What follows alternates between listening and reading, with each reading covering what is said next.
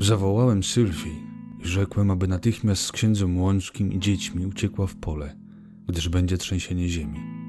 Pokiwała smętnie głową, mówiąc, że obłąkuje mię to samo, co jej ojca. Krzyknąłem na nią ostro. Odrzekła, iż dla naszych przywidzeń nie może narażać dzieci na pewne zapalenie płuc wobec zimnej, dżdżem siekącej nocy. Sylwia nachyliła się nad łóżeczkiem synka i zaczęła zbudzonemu opowiadać bajki. Zbudziła się i Maria. Maleńka zasłuchana w opowieści o rycerzach normandzkich i wieszczkach, które żyły na Sycylii, o bogu Neptunie i Fata Morganie, która miała swój zamek wśród chmur. Nie było co robić.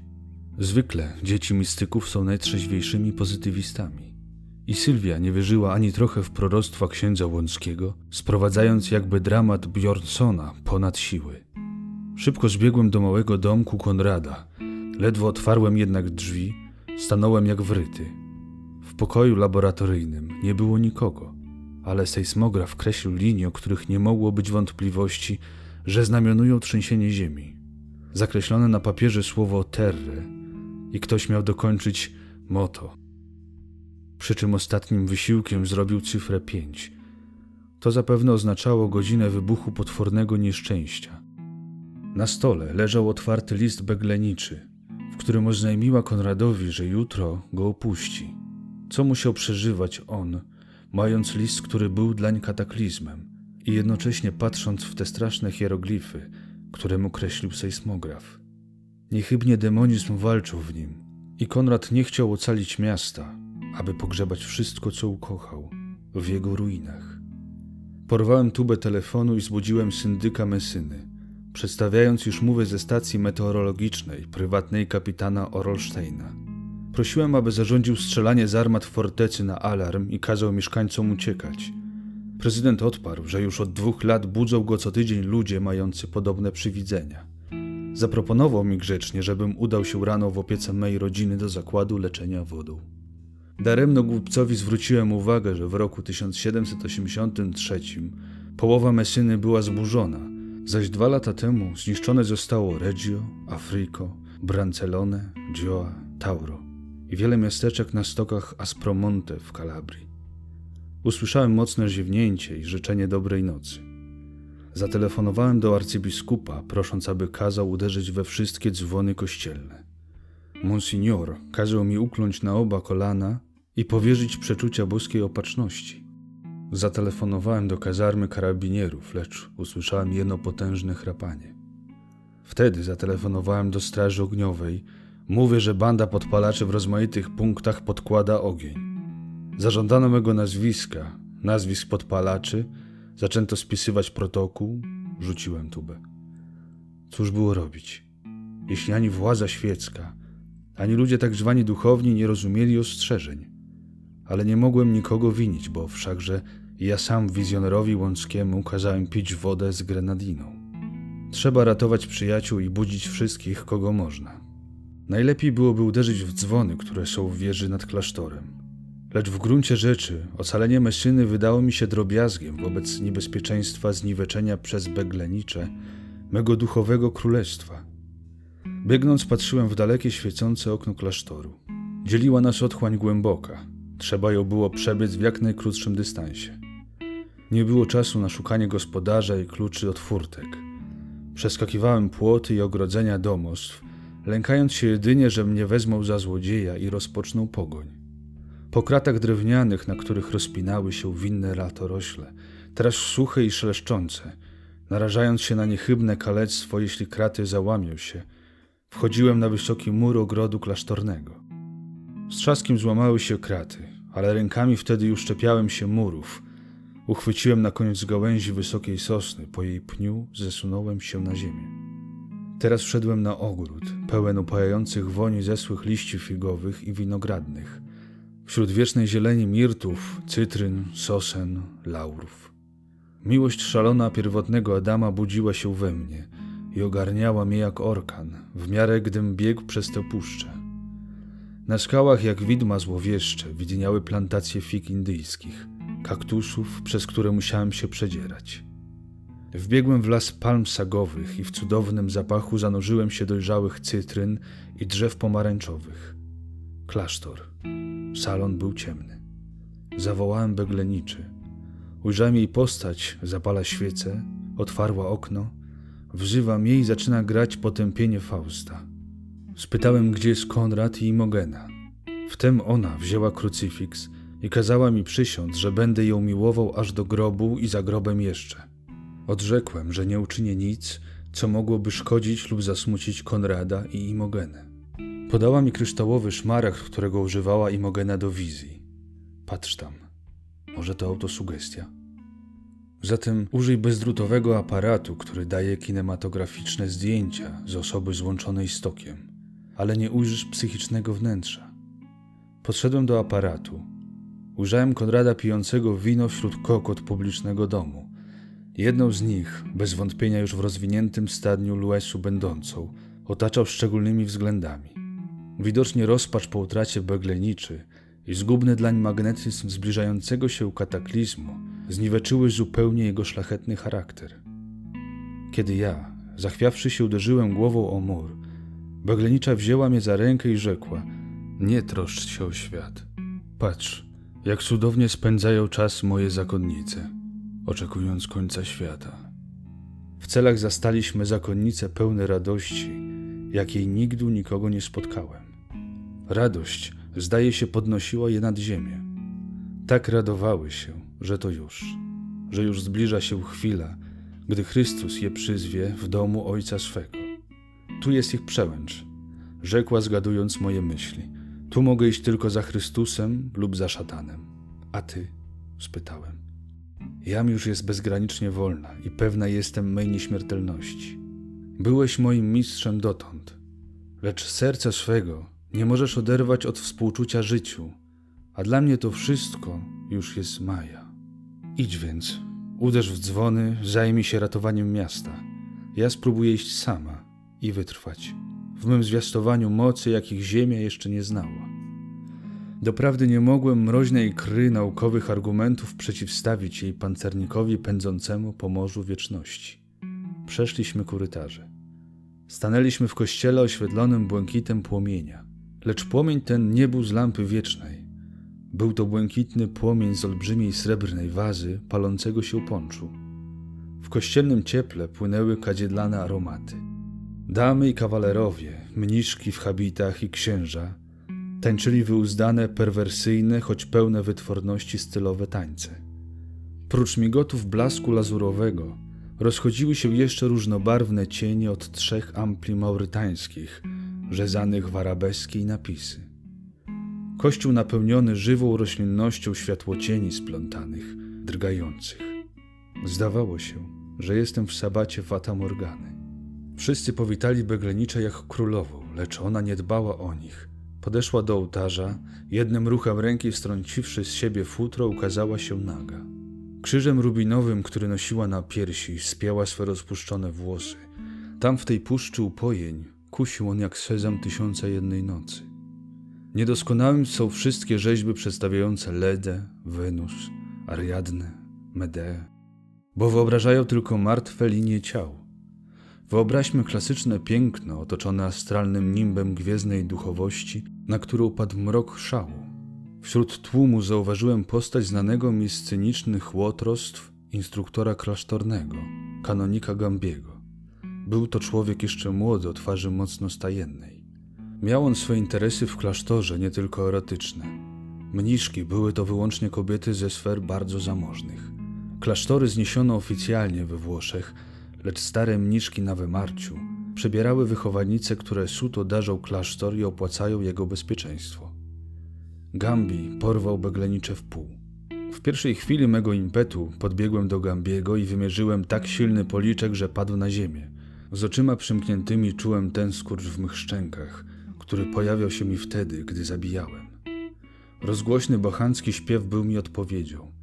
Dla nich było to umówionym sygnałem do rozpoczęcia orgii. Dobyli noży i szpat, zaczęli z furią walczyć. Nawet zakonnice wmieszały się do zaciekłego boju. Religia światła z nich opadła jak koszule, które ściągnęły. Wyciemniły ze siebie religię, czarów, piękłowzięć, czeluści inferna, zwiedzanych przy gromnicach rządzy. Niby kapłanki Siwy zaśpiewały pieśń złowieszczą. Rozpoczął się wir tańców. Zgaszono światło, już nie można było dojrzeć niczego, tylko chrapliwe oddechy, śpiewy dzikie i opętane melodie grane na chórze. Tymczasem Gambi, obrzucając mnie wściekłym przekleństwem, powstawszy rzekł: Dlaczegoż to przeszkodziłeś mi użyć ostatnich chwil życia? Mości moralisto, zaszłem do obserwatorium, gdzie sprawdziłem na sejsmografię trzęsienie ziemi. Nurze precz stąd. Korzystać pragniemy z rozpętanej rządzy klasztoru. Niechby świat cały zmienił się w wielki lupanar. I porwał się ku begleniczy, która straszliwym wzrokiem smagnęła łotra i niedosiężna, jak Afrodyta nieba modliła się u ołtarza. Tam poczęła odprawiać mszę w imię głębi jaźni, istna papieżyca. W mroku kościoła ujrzałem dalekie światełko. Ktoś wszedł. To Imogena. Podbiegłem ku niej, ale usłyszałem krzyk gromady, która żądała krwi na ołtarzu i szalejąc niby dawni korybanci, biegli za nią. Dobiegłem do Imogeny. Ona ukazała mi wyjście, po czym spokojnie zamknęła kościół kluczem. Zmiłuj się, ocal życie matki, rzekłem. Uśmiechnęła się tak, że uczułem się przy niej z całym swym rozumem maleńkim, jak iskra przy posągu bogini. Przyświecała mi, spiesząc po schodach krętych wieży, zajęci byliśmy już tylko myślą, by uderzyć w dzwony i zbudzić śpiące miasto. Wtem usłyszałem za sobą tendent. Nim mogłem się zorientować, rumor ogłuszający. Krata zapadła, zamykając nam wejście na wyższą kondygnację. W tejże chwili zapadła i druga krata, zamykając powrót. Gambi śmiał się jak hiena. Dokoła niego byli wszyscy inni, prócz begleniczy. Szlachetny książę, wołali. Nie trzeba, żeby się zbudziło całe miasto. Wystarcza, że my jesteśmy przebudzeni. Ample postawiła Imogena na belce. Rozglądałem nasze więzienie. Kraty były grube, żelazne i nie do przełamania. Tu na wieży chroniły się dawniej mniszki przed napaścią morskich rozbójników. Podwójna krata zamykała dostęp do górnych kondygnacji. Skorzystał Gambi z tego, że mu tajemnicę przejść ukrytych powierzył stary pustelnik. Teraz, jak w dawnych misteriach, sprawdziła się zasada, że nie ma groźniejszej rzeczy niż wiedza w ręku szalbierza i łotra. Miałem przed sobą gromadę ludzi oświetlonych lampą, lekceważących, a raczej lubujących się w oczekiwaniu śmierci. Wykonywali rodzaj murzyńskiego tańca z wściekłym bezwstydem. Zdawało mi się, że widzę głowonogów, które zeszły się w zatoce głębokiej między skałami.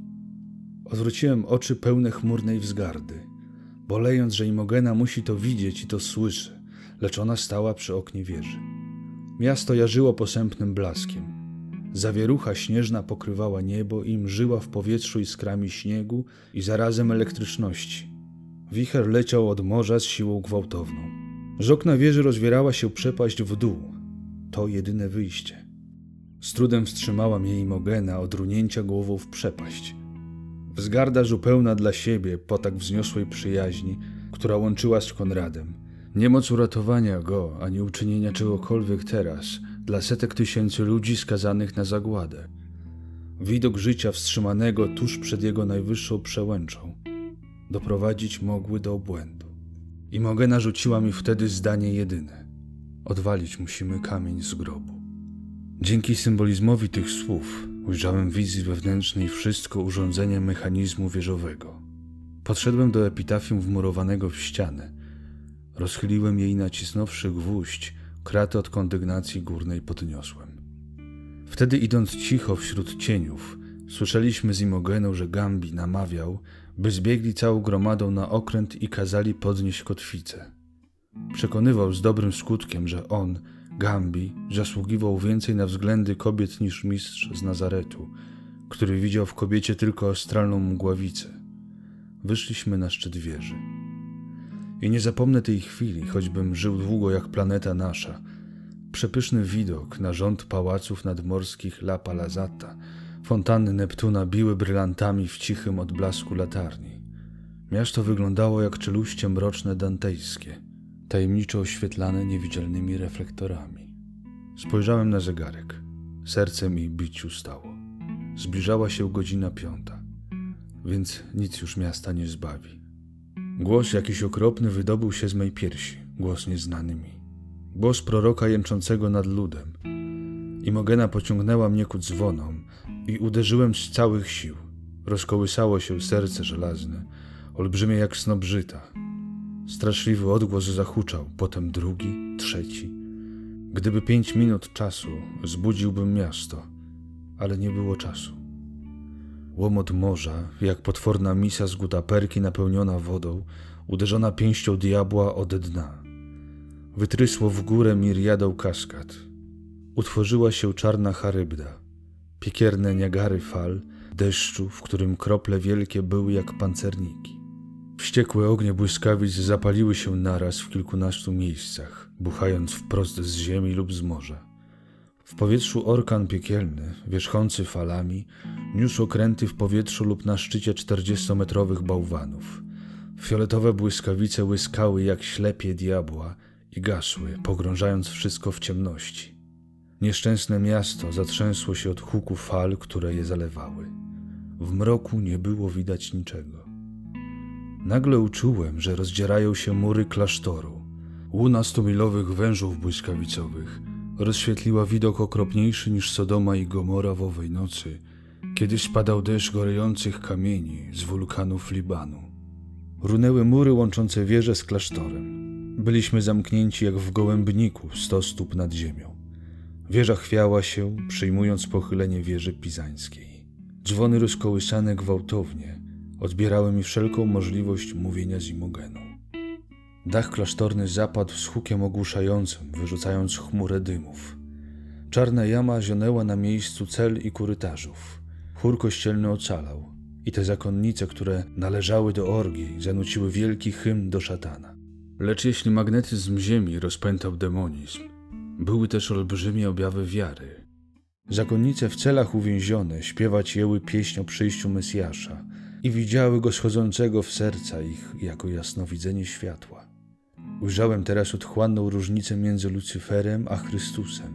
Lucyfer wywoływał wiedzę jaźni i gasił ją w czeluściach żądzy, egoizmu, zwątpienia, zgonu i nicości. Chrystus w tym piekle mroków, użyźnionym magnetyzmem wysiłków męki i tęsknoty, rzucał błękitny promień królestwa jasnowidzeń dla świętych obcowania. Wśród zmierzchu bożyszcz ziemi szedł płomień usynowienia przez moc wyższą niż zgon. Wielki przecudny oblik wziął na siebie Kościół, obiecując Królestwo Boże na ziemi. Morze ryczało muzyką Wagnera, graną przez tytanów, gdzie trąbami był krater Etny, bębnem huk walącego się miasta, basem jęk rozrywanych wąwozy i przepaście ziemi, skrzypcami włosy piorunów. Ujrzałem zakonnicę trzymającą się nogi Gambiego, który ze swej strony trzymał obrączek zems i nogą swobodną bił po głowie i rękach, krzycząc na nią, aby go puściła.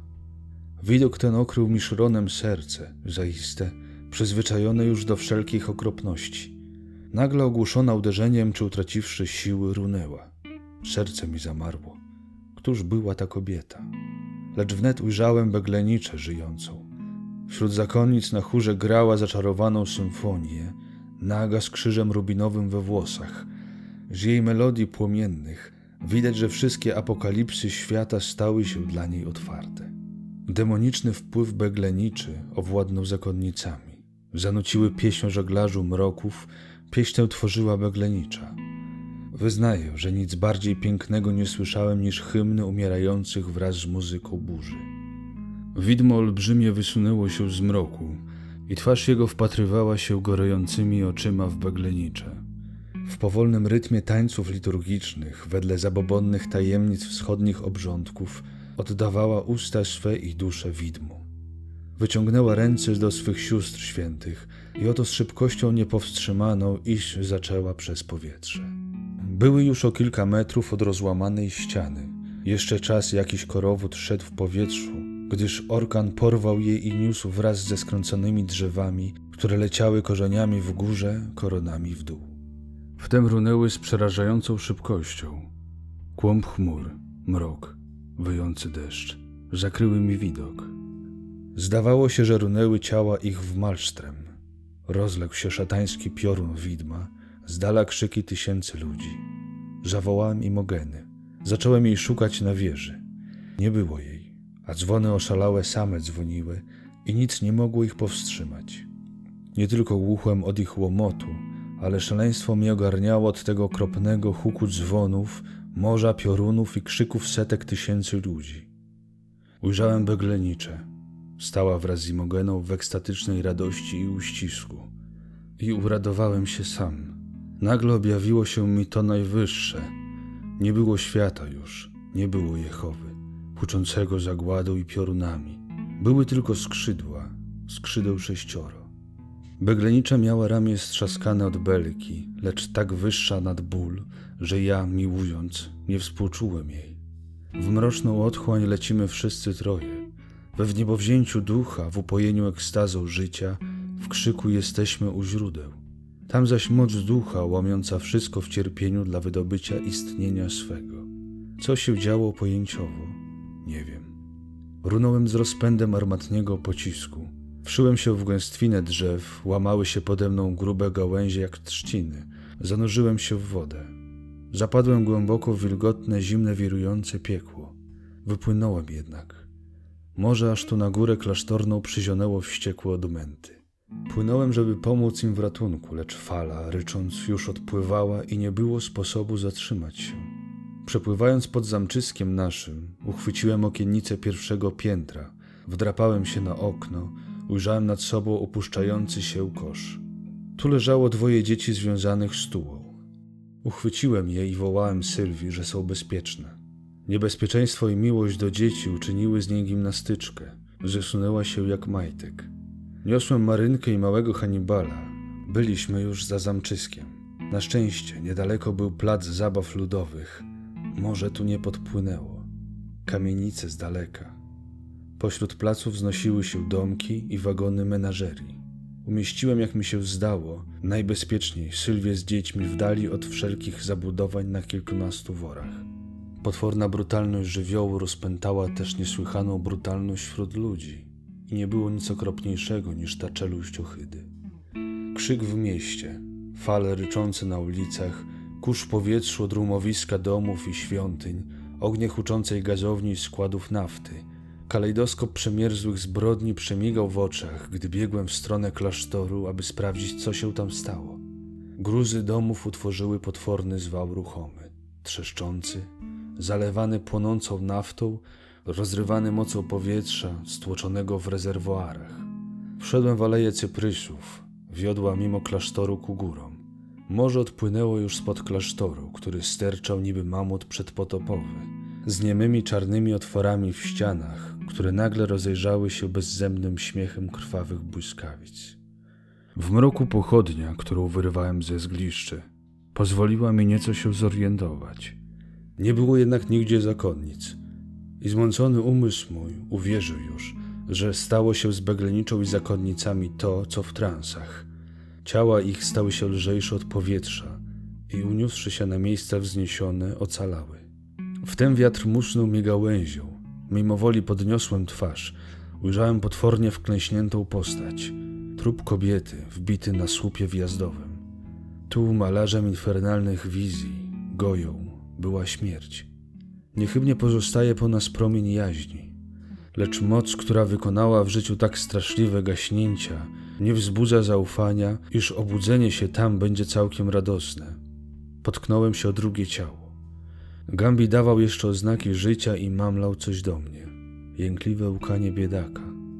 Na drutach telegraficznych kołysała się głowa zakonnicy zaczepiona włosami. Korpus z cudowną sprośnością, nieuszkodzony, wisiał na kępie rododendronów kwitnących.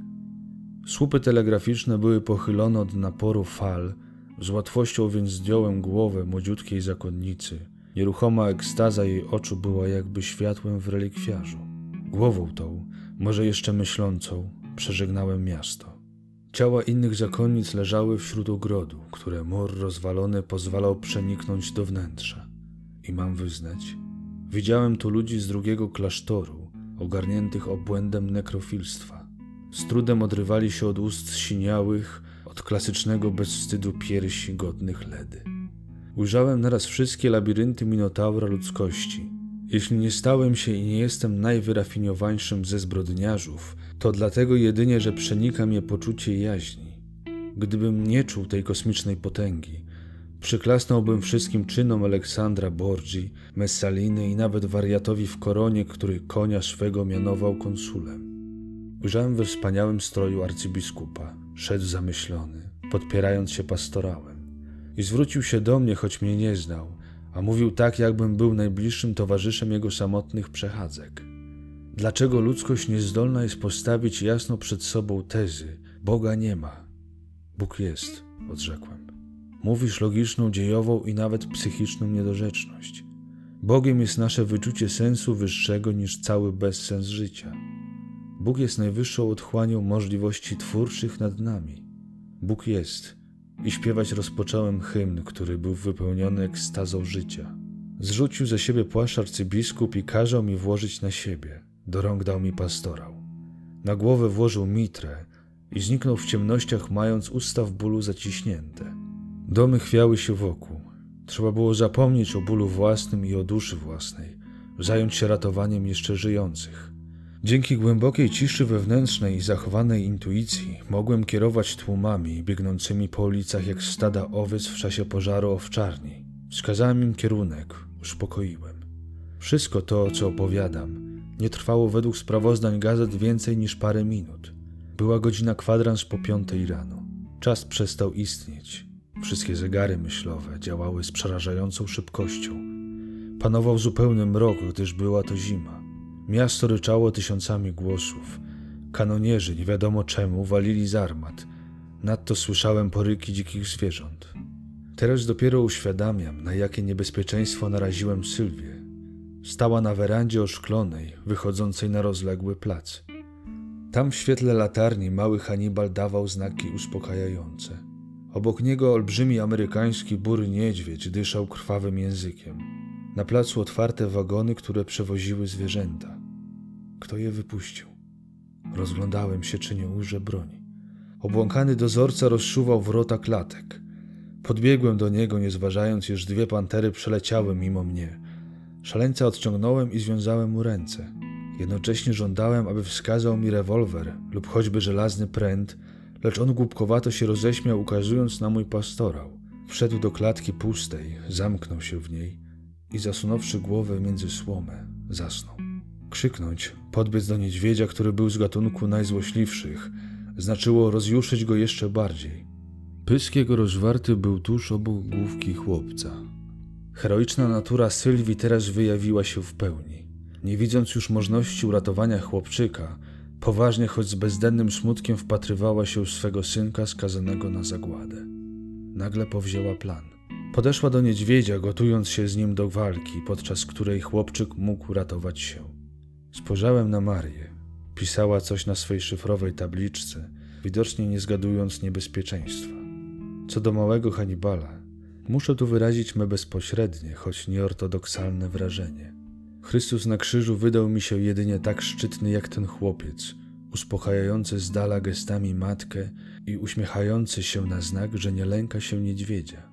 Wzrokiem nieruchomym, straszniejszym niż uniobe i meduzy, zbliżała się Sylwia, ściskając w ręce kawał marmuru.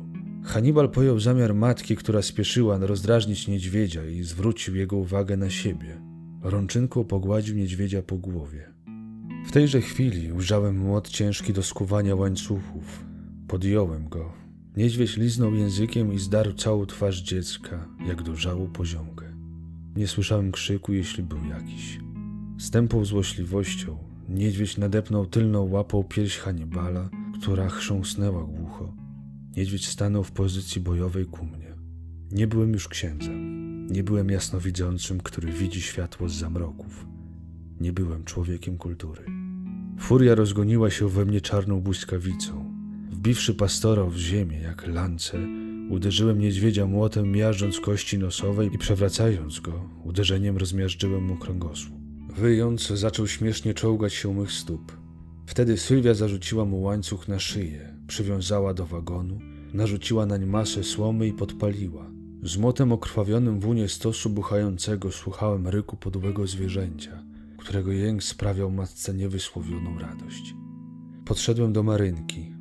Kończyła pisać literami niezgrabnymi to słowo jedyne, które słyszała nieraz powtarzane w domu przez starą nianię. Wypisała z tragiczną niegramatycznością. opatrzność. I wydało mi się, że nikt nie mógł straszliwiej potępić najwyższej istoty, nadając jej przymiot siły rządzącej opacznie. Wtedy Sylwia podeszła ku mnie i zaczęła mi roztaczać obraz upadku Polski. Rzeczą najważniejszą nieobliczalnej wagi, mówiła, jest zrozumieć aż do głębi, że opatrzność światem nie rządzi. Człowiek musi rozwalić ten parawans, za którego wyczekuje sprzymierzeńca. Wspanialszym i prawdziwszym jest dziki troglodyta z młotem na ramieniu, depczący niedźwiedzia, którego zmiażdżył, niż najwymowniejszy biskup, który usypia naród lazurowymi nadziejami. Ale Bóg jest, krzyknąłem. Mówi o nim twórcza zbrodnia w nas. Jesteśmy rzuceni w tragiczną pustynię, gdzie nawet Syn Boży umiera bez pomocy. Tym lepiej, tym lepiej, odrzekłem.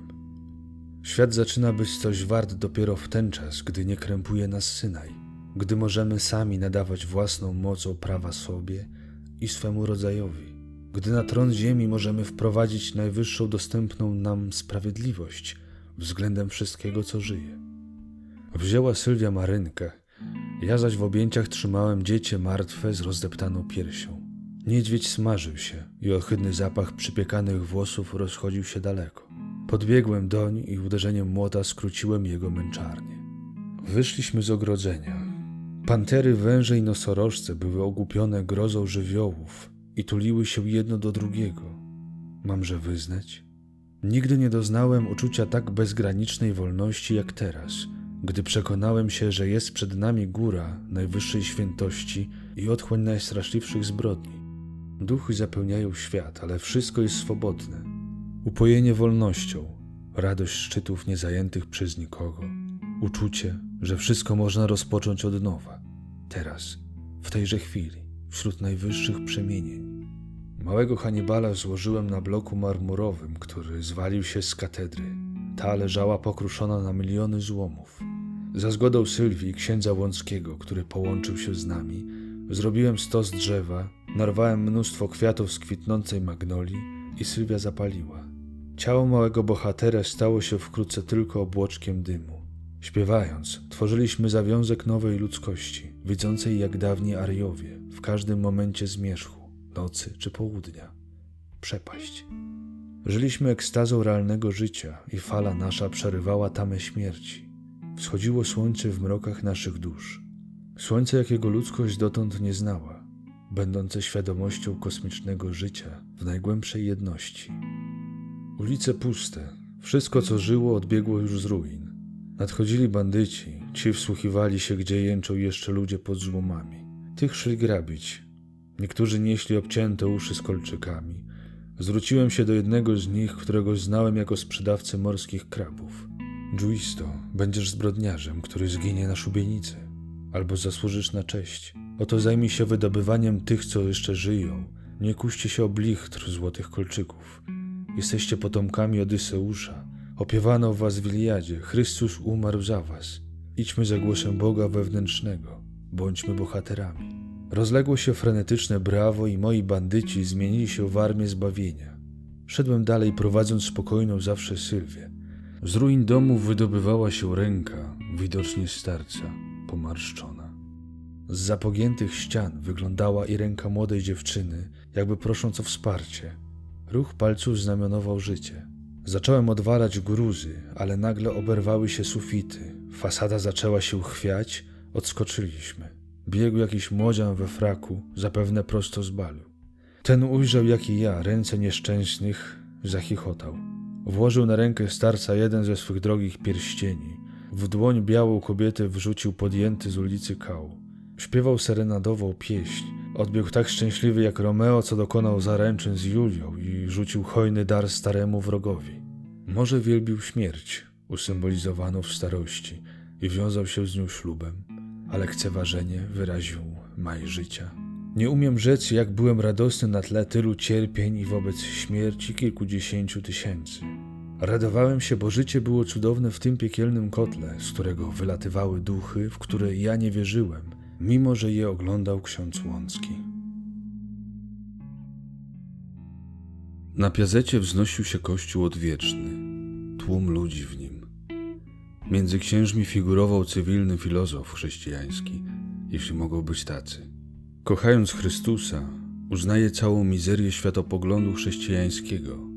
Dlaczego ludzie nie wierzą dziś we wpływy Marsa, nie noszą za amulet zębu wisielca, nie ważą z Merkuriusza filozoficznych kamieni? Bo zmieniły się doświadczenia. Czyż jeszcze ludzkość mało zrobiła doświadczeń na tym, że świat jest tysiąc razy groźniejszy, głębszy, tragicznie radośniejszy niż to przypuszczano w Wedach, w Koranie, a nawet w Ewangeliach? Chrystus zostaje twórcą braterstwa między ludźmi, mimo że ludzie więcej różnią się między sobą niż na przykład białe zające i pręgowane hieny. Dlatego ludzie nie mogą mieć stereotypowego braterstwa, jeno swobodne sojusze. W czym istotne znaczenie Chrystusa i dlaczego miłują Go? Bo mistrz opierał się na jaźni i zrozumiał wewnętrzną twórczą wolność. Chrystus już nie tylko na pustyni z Bogiem, ale na prometejskich wyżynach pracy, laboratoriów, mozolnych eksperymentów, w coraz nową błyskawicę natchnień, rozkwitający nad morzem życia. Idzie przeciw wczorobogowi, ku wiecznej jutrzni przez wszystką radość wieczności, sprowadzonej do lotu i przez realizm momentu utrwalonego w ciągłym cudzie. Oto zaiste ten, który ogień rzuca na ziemię, aż ją uczyni światłem, które nie zgaśnie. Te myśli ogarnęły mnie w katedrze, gdy ów filozof, którego zawsze podejrzewałem o szarlatanerię, zażądał, aby tłum ludzi dał dowód zaufania Panu Bogu i wszedł do kościoła. Zaiste kościołem jest życie. I dać dowód Panu Bogu znaczyłoby zacząć żyć. Tłum jak jeden potok lawy z gór płynący wdarł się do wnętrza. Filozof, będąc na zewnątrz kościoła, zaczął dowodzić, że świat zniszczeje, a litera jedna urojoną nie będzie. Kościół był za mały, aby wszystkich pomieścić. Tłumy stały na wichrze w stroju nocnym, zimno przenikało ich. Wszyscy tulili się do siebie. Wiatr zwiewał koszule i zasłonki. Nastąpiło ogólne zapomnienie, westchnienie, śmiechy. Ksiądz Łącki wszystkich błogosławił.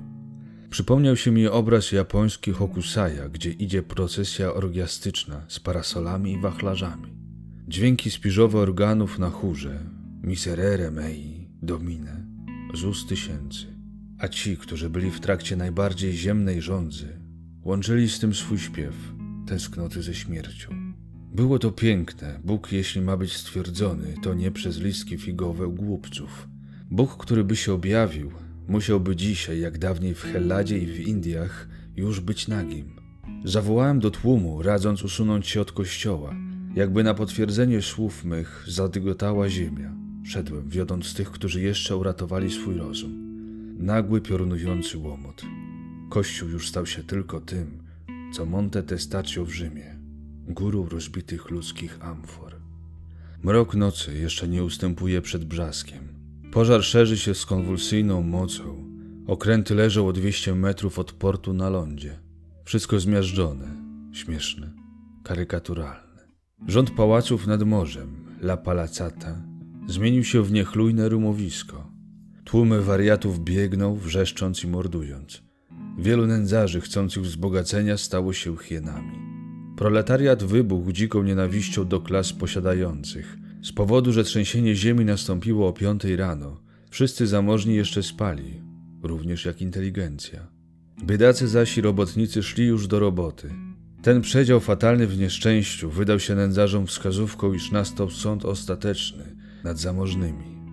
Na domiar Mesynczycy słynęli ze sobkostwa i bogactw. Pod względem renty zajmowali drugie miejsce we Włoszech zaraz po Mediolanie. Rzucili się do rabunku i okoliczni włościanie, którzy byli uciskani przez bogatych mieszczan posiadających ziemię za miastem. Wpadli do zrujnowanych kazarm karabinierów, czyli żandarmerii. Ubrali się w mundury z trupów zdjęte lub skradzione ze szatni wojskowych. Wiódł tych łotrów pijak, stręczyciel domu publicznego. Przebrani za urzędników państwa szli. Kiedy ludzie uciekający zwracali się do nich, ufni, że ci obrońcy ładu i porządku wskażą im drogę ku morzu, bandyci odbierali im szkatuły z klejnotami i pieniędzmi, masakrowali nieszczęsnych szablami i kolbami, nie dając nikomu żywcem uciec. Rozpętały się warstwy na dnie społecznym jak niegdyś za najścia barbarzyńców. Nie barbarzyńcy, elementy rzymskie i konstantynopolskie z czeluści miast – Kanalia rodzima teraz jak i dawniej niszczyła pomniki, grabiła banki i kościoły. Nędzarze, zapomnieni przez państwo, okłamywani przez moralność powszechnego braterstwa, rozszarpali nadwątlony organizm władzy. Uprzytomnijmy, człowiek ma za sobą krótką epokę cywilizacji, a olbrzymią i długą zwierzęctwa. Kiedy odpadnie tynk, ukażą się freski małpoludów. Mistyka polega na tym, że uczy człowieka być wyższym nad materializm, uczy opanowywać instynkty wsteczne. Lecz mistyka sama, bez potężnej wiedzy i woli życia, jest obracaniem się buddyjskiego młynka od wiatru, który wylata z paszczy potwornego smoka. Obracanie to odbywa się na wątpliwą cześć kosmicznej mądrości. Podchodzę do kapitana okrętu rosyjskiego, który palił spokojnie cygaro. Komendancie, twoją załogę racz posłać do wygrzebywania z gruzów tych, co jeszcze żyją. Trzeba część zostawić do pilnowania pancernika i portu. Bandyci zechcą owładnąć okrętami, odrzekł. Pójdę z tymi, którzy będą ratować, ale kobietę z dzieckiem i księdza każ wprowadzić, jeśli łaska, do kajuty. Wasza wielebność, odparł przejmie kapitan. Niech wznieci energię czynu w załogach innych mocarstw. Teraz dopiero zauważyłem, iż brał mnie za arcybiskupa. Zdjąłem płaszcz złocisty i mitrę. Rosjanin uprzejmie powiódł Sylwię z marynką na pokład. Patrzyłem na dzielnych marynarzy. Znam psychologię tych ludzi. Są to rycerze na godzinę, ale też nikt na tę godzinę nie jest bardziej uprzejmy, bardziej bezinteresowny i odważny. Po godzinie tynk opada i ukazują się freski tych, którzy rozbijają lustra w Café Regen, wołają nie mieszaj mojemu nrawu. Ksiądz Łącki poszedł sam, wszędzie widząc duchy. Już wschodziło słońce. Idę z oddziałem stu ludzi uzbrojonych w motyki i kilofy. Rozdziela ich porucznik na dwadzieścia oddziałów. Rozsypali się po mieście. Na dwunastą kazał im zgromadzić się w porcie i wnet zaczynają wygrzebywać z gruzów ludzi jęczących. Dzieją się sceny jedyne w swoim rodzaju. Oto idzie bydle ludzkie, tęgi drab. Napotkał małżeństwo przywalone murami, szafami, komodami. Zamiast pomocy udzielić, żądał, aby mu wprzód wskazano, gdzie są pieniądze. Nieszczęsny bogacz obiecał, że da mu dwadzieścia tysięcy lirów, gdy uwolni jego i żonę spod zwału mebli. Zbir żąda pieniędzy natychmiast. Pieniądze są w szkatule pod stopą, odrzekł bogacz. Odrzucił zbir szafy, kawały muru. Wydobył pół żyjącego pana, znalazł szkatułę, rozbił, wydobył zawartość dwudziestu tysięcy lirów i lękając się, aby bogacz nie żałował daru, lub co pewniejsze z dobrego humoru, pchnął nazad nieszczęsnego w dół, przywalił go tymi szkomodami, stołami i złomami muru. Zaczął uciekać. Moi marynarze, usłyszawszy szybkie kroki, aresztują i doprowadzają do ofiar zasypanych. Takie i inne bydlęta ludzkie ucinali kobietom żywym palce, na których lśniły pierścionki nad poszarpanym ciałem i zdruzgotaną kością. Wyrywali kolczyki wraz z ciałem. Ofiary umierały w niewysłowionych męczarniach nie tyle z bólu ciała, ile ze wstrętu moralnego. Działy się sceny ohydnej perwersji. Instynkty nie tylko erotyczne, ale i sadyczne wybuchły. Gwałcenie i nasycenie się męczarnią jednoczesne. Młody porucznik ustawiał rzędem bandytów i krzyknął, znając ledwo parę słów po włosku, stawiąc akcent na ostatniej sylabie. Ladro, condanato, morte. Z rewolweru palił jednemu za drugim w łby, zanim mogłem przemówić słowo w imię wyższej ewolucji. Ale wspomniałem, iż sam niedawno jeszcze mordowałem niedźwiedzia. Dla ewolucji potrzeba czasu, a tego właśnie nam wszystkim zabrakło. I gdy runęły ciała nędzników, szliśmy znowu pustymi ulicami, nawołując. Na jęk choćby najcichszy biegliśmy. Załogi angielskie, rosyjskie, włoskie prześcigały się w bohaterstwach. Marynarze wdzierali się na obluzowane mury i narażając się na śmierć, znosili w dół omdlonych. W świetle łuny płonących składów drzewa, naft i olejów, wśród ogłuszającej kanonady granatów, które pękają w palących się magazynach wojskowych, czynimy swą pracę. Nad nami świszcze burza i ryczą pioruny. Krwawa potworna czerwień rzuca metaliczne zarzedzia na morze. Nie wiadomo już, czy to wschodzi słońce, czy jeno pożar miasta. Wszystko staje się wizją dantejską. Wariaci wybiegli ze szpitala i owładnęli barkami. Rzucili się na okręty wojenne. Poczynają z armat strzelać. Tysiącfuntowe pociski biją w ściany ocalałych domów. Rzuca się wojsko do łodzi, szturm pancerników. Tymczasem tłum nagich lub ledwo okrytych łachmanami dawnych bogaczy, inteligentów, estetów, marznie na mrożnym dżdżu wśród wichru i zimowej śnieżycy. Poznaję w jednym nędzarzu, który bosonusz stoi w spodniach bez szelek, z twarzą poraną cierpieniem, syndyka miasta, któremu przed pół godziną tak chciało się spać. Teraz sen odbiegł go na długo. Gdzie jego rodzina? Dalej ten drugi nędzarz, którego lokaj całuje po rękach, by przyjął nieco strawy, to arcybiskup. Poznaje mnie. Mamy Boże Narodzenie zimne. Musimy ogrzewać się sercami. I wzniosłe uczucie miłości braterskiej ogarnęło wszystkich. Most pysznił się z olbrzymimi arkadami na filarach, wysokich jak dzwonice. Most pełen mrowia ludzkiego, gdyż wiódł górom. Ludzie lękali się już morza więcej niż ziemi. Groziło nowe maremoto. Od strony gór szedł śpiesznie Konrad, widocznie na ratunek rannym do miasta. Zatrzymali go na moście chorzy, którym zaczął przywiązywać rany. Wtem, bez trzęsienia ziemi, ale osłabiony most runął. Chmura dymu, ciała ludzi w powietrzu. Został jeden filar. Na wiązaniach żelaznych stał mój druh, jakby mierzący wzrokiem potworną nędzę życia. Dokoła niego otchłań, w którą silił się wicher zwalić go. On zaś trzymał oburącz dwóch rannych. Morze wyło, kłęby pian. Lecąc w powietrzu uderzały aż o tego człowieka. Wyjął bandaże i zaczął tamować rannym krew, buchającą z połamanych rąk i rozbitego czoła. Nigdy Trajan na swej kolumnie nie wydał mi się bardziej szczytny. Podbiegłem zebrać drabiny strażackie, nim wróciłem. Filaru już nie było. Nowy obłok dymu, huk. Nie mogłem się zmusić podejść tam, gdzie spodziewałem się zastać kupę krwawego mięsa. Miasto było jednym wielkim legowiskiem wariatów, który usiłują ład wprowadzić ludzie mający równowagę wewnętrzną nieco trwalszą. Zmęczony pracą usiadłem w blaskach poradnego świetnego słońca, jakby złoto rozjażone. W kaplicy nadmorskiej zbierali się ludzie, nucąc pieśni za duszę w czyśćcu. Rozumiałem ich nadzwyczajną potrzebę wiary. Sam uzyskałem nocy tej rozwarcie tajemnicy, że mechanizm życia wypływa tylko z warunków naszego umysłu, ale istnieje czwarty wymiar wewnętrzny. Przez drzwi otwarte ujrzałem księdza Łąckiego, który odprawiał mszę.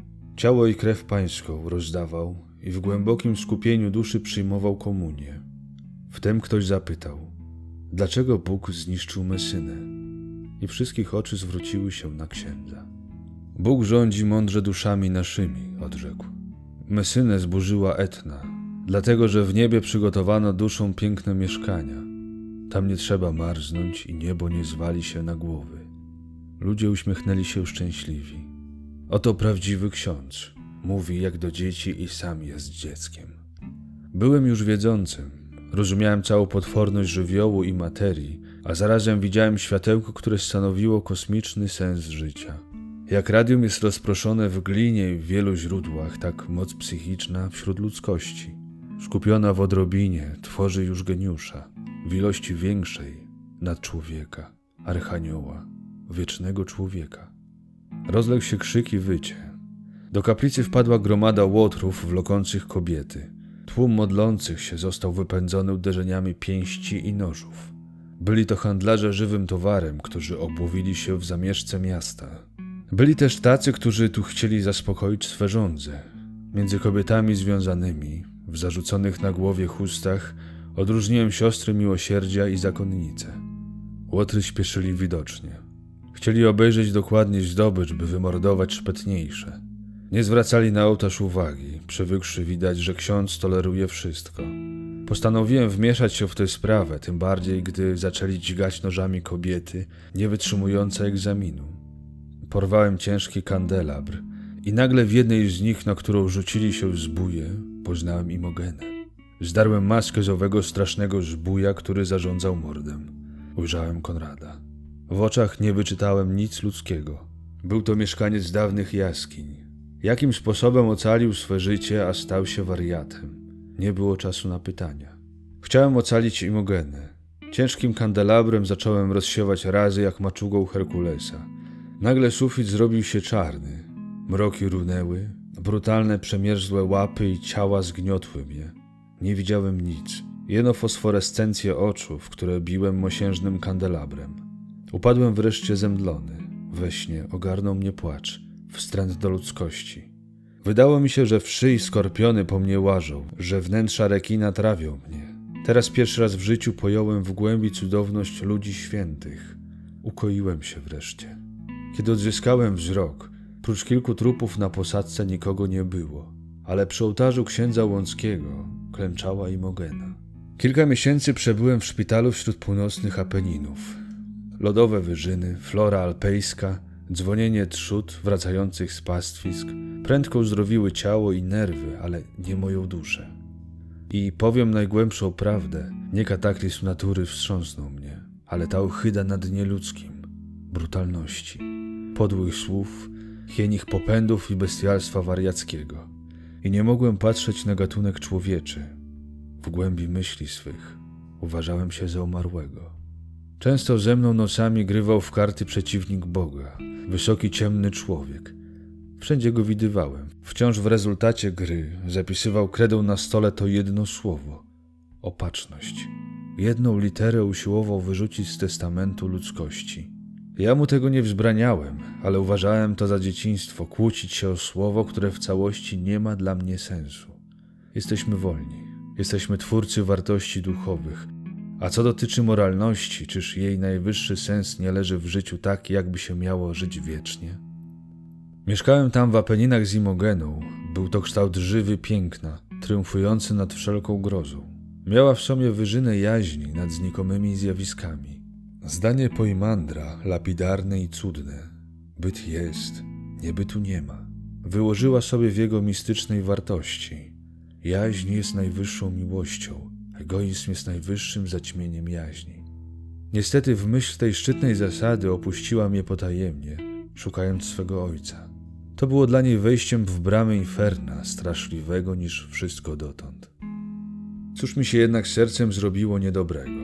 Lekarz kazał mi być spokojnym nawet teraz już na Litwie. Ta chaotyczna opowieść jest jak życie. Wykazuje ona niezmiernie otchłanie instynktów podświadomych w nas i zarazem dla mnie z nieprzewyższoną niczym mocą ujawniła istnienie światów nadświadomych. Bez nich stajemy się łatwo istotami uwstecznionymi. Jasnowidzenie księdza Łąckiego nie było czymś wyjątkowym. Pewna kobieta w napadach nerwowych na kilka miesięcy przed trzęsieniem ziemi już podała do króla włoskiego swe widzenie tego, co ma się stać z Mesyną. Nie można zaprzeczyć sfer duchowych, które w tym brały udział, ale też nie mogę uwierzyć tym, którzy przypisują zniszczenie Mesyny pokucie. Mesynczycy niegdyś żyli z rozbojów, więc podlegli karmie, to jest odkupieniu swych win przez nieszczęście. Zbyt wielu obłąkanych, zbyt mało nawróconych, zbyt nagłą śmierć osiemdziesięciu tysięcy pod zwaliskami. Pozostaje przyjąć tezę, że jesteśmy na ziemi wolni i jako wolnych, a więc nieobronionych, dosięga rozpętany żywioł natury. Natura zakrywa nam Boga jak tarcza księżycowa słońce. W tym zaćmieniu możemy go oglądać jedynie tylko przez ciemne szkła naszego ducha. Tego rodzaju zakryty Bóg jest praktycznie dla nas nieistniejącym, ozwał się cicho Piotr. Istnieje dla naszych głębin. Tak zwane głębiny ducha ludzkiego są też zjawiskiem natury, jak przedziwny instynkt os rozbójniczych i mają na celu utworzyć iluzję religii tonącym bez echa w morzu wieczności. Straszliwy okres Kali Yuga, według pojęć indyjskich, trwa tam, gdzie ludzie nie mogą wejrzeć w światy duchowe. Wejrzałem już. Zostaję z Lucyferem jako jedyną realną metafizyką życia.